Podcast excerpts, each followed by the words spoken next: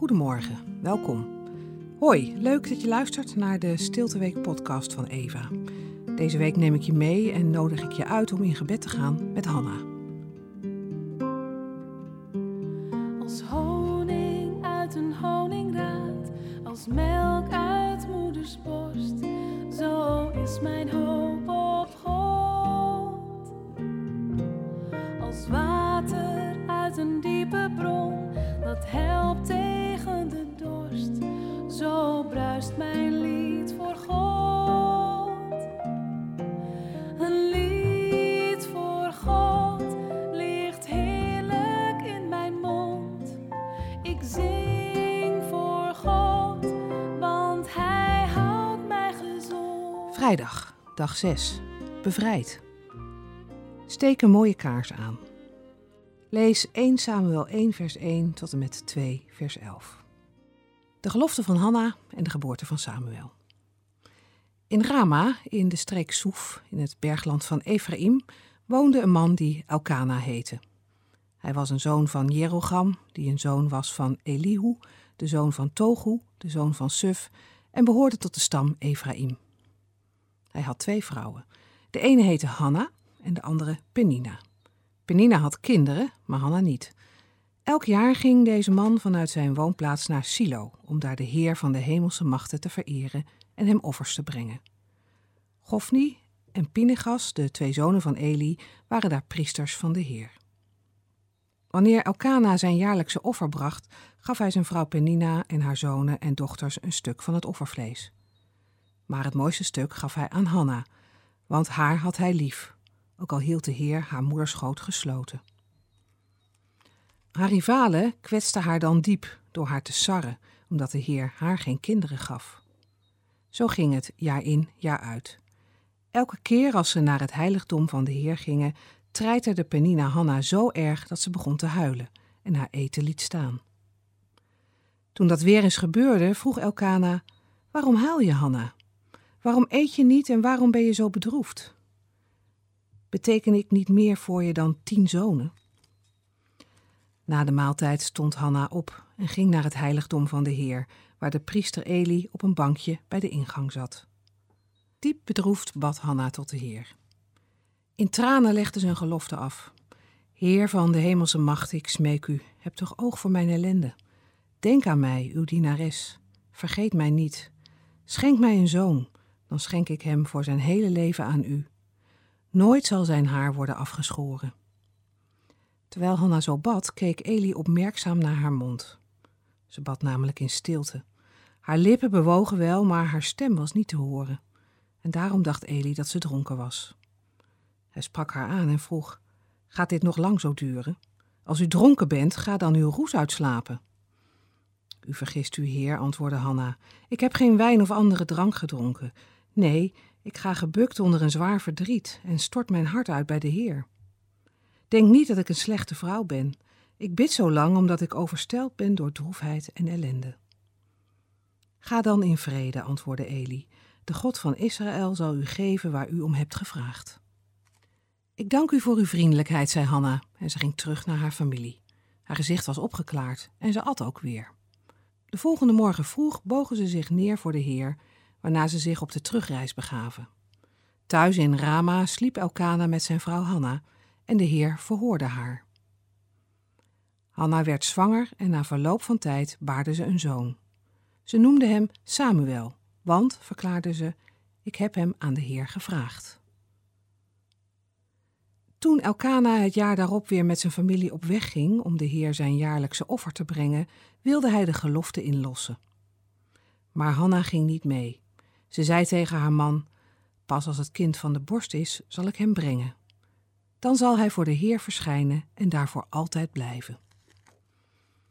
Haar man Elkana antwoordde: Doe maar wat jij het beste vindt. Blijf thuis zolang je hem nog zelf voedt. Laten we hopen dat de Heer dan niet van zijn belofte terugkomt.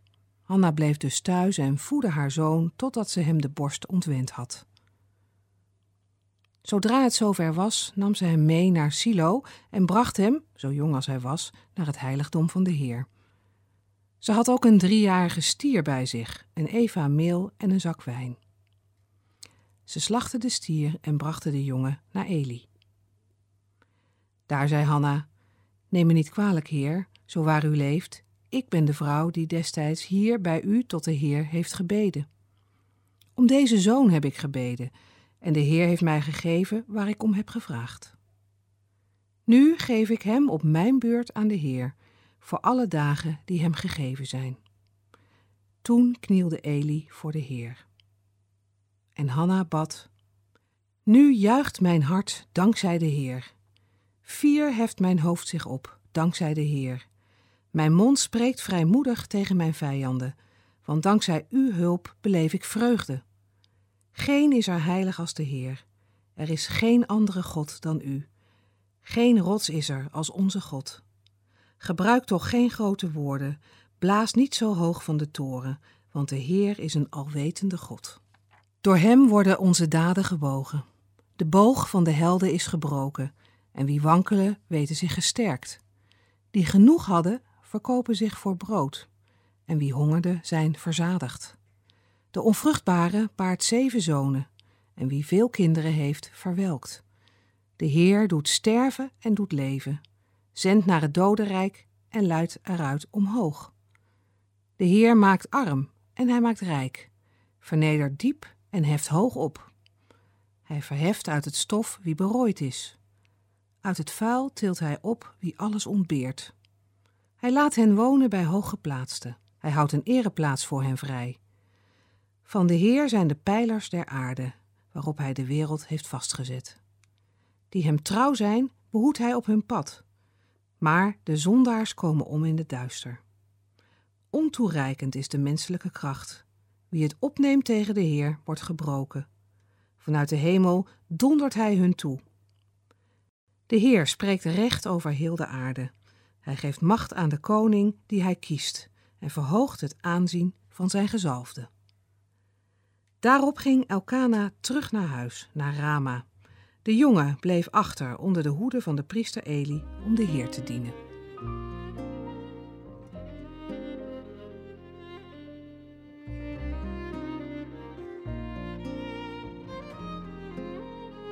Nu juicht mijn hart dankzij de Heer.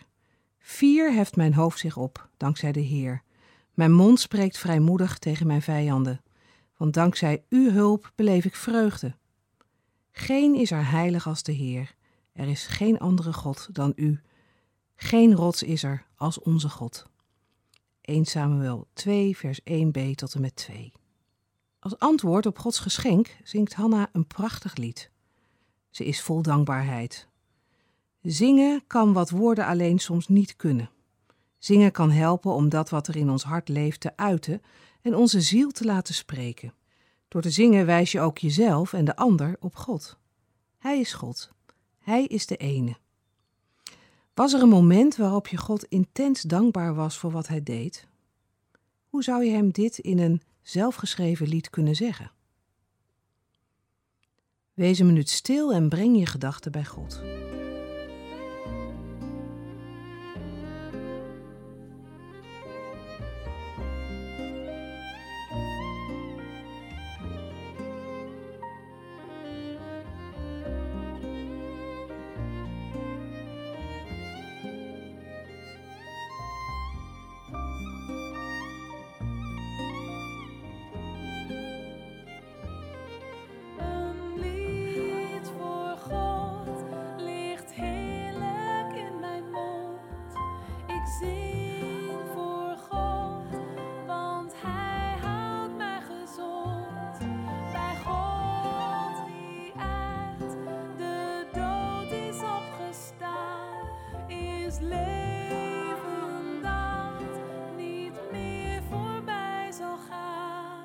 Nu juicht mijn hart dankzij de Heer. Vier heft mijn hoofd zich op, dankzij de Heer. Mijn mond spreekt vrijmoedig tegen mijn vijanden, want dankzij uw hulp beleef ik vreugde. Geen is er heilig als de Heer, er is geen andere God dan u. Geen rots is er als onze God. 1 Samuel 2 vers 1b tot en met vers 2 Soms voelen we ons niet in de stemming om te zingen. Zorgen, teleurstelling of onvervulde hartsverlangens maken dat we niet willen zingen. Toch kan zingen ons helpen en bevrijden. Zingen laat problemen niet verdwijnen, maar plaatst onze situatie, onze zorgen en ons verdriet in het juiste perspectief. God is God. Ik ben zijn geliefde dochter. Zing je van zorgen vrij. Door zingen word je gezegend, omdat je ziel met zingen Hem de eer geeft. Welke woorden zou je op dit moment willen uitzingen naar God?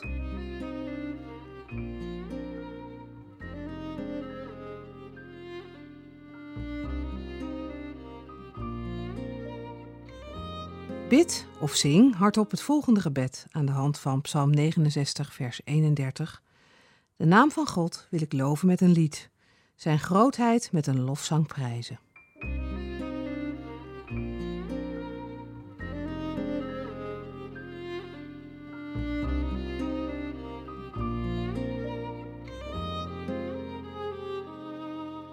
Als honing uit een honingraad, als melk uit moeders borst, zo is mijn hoop.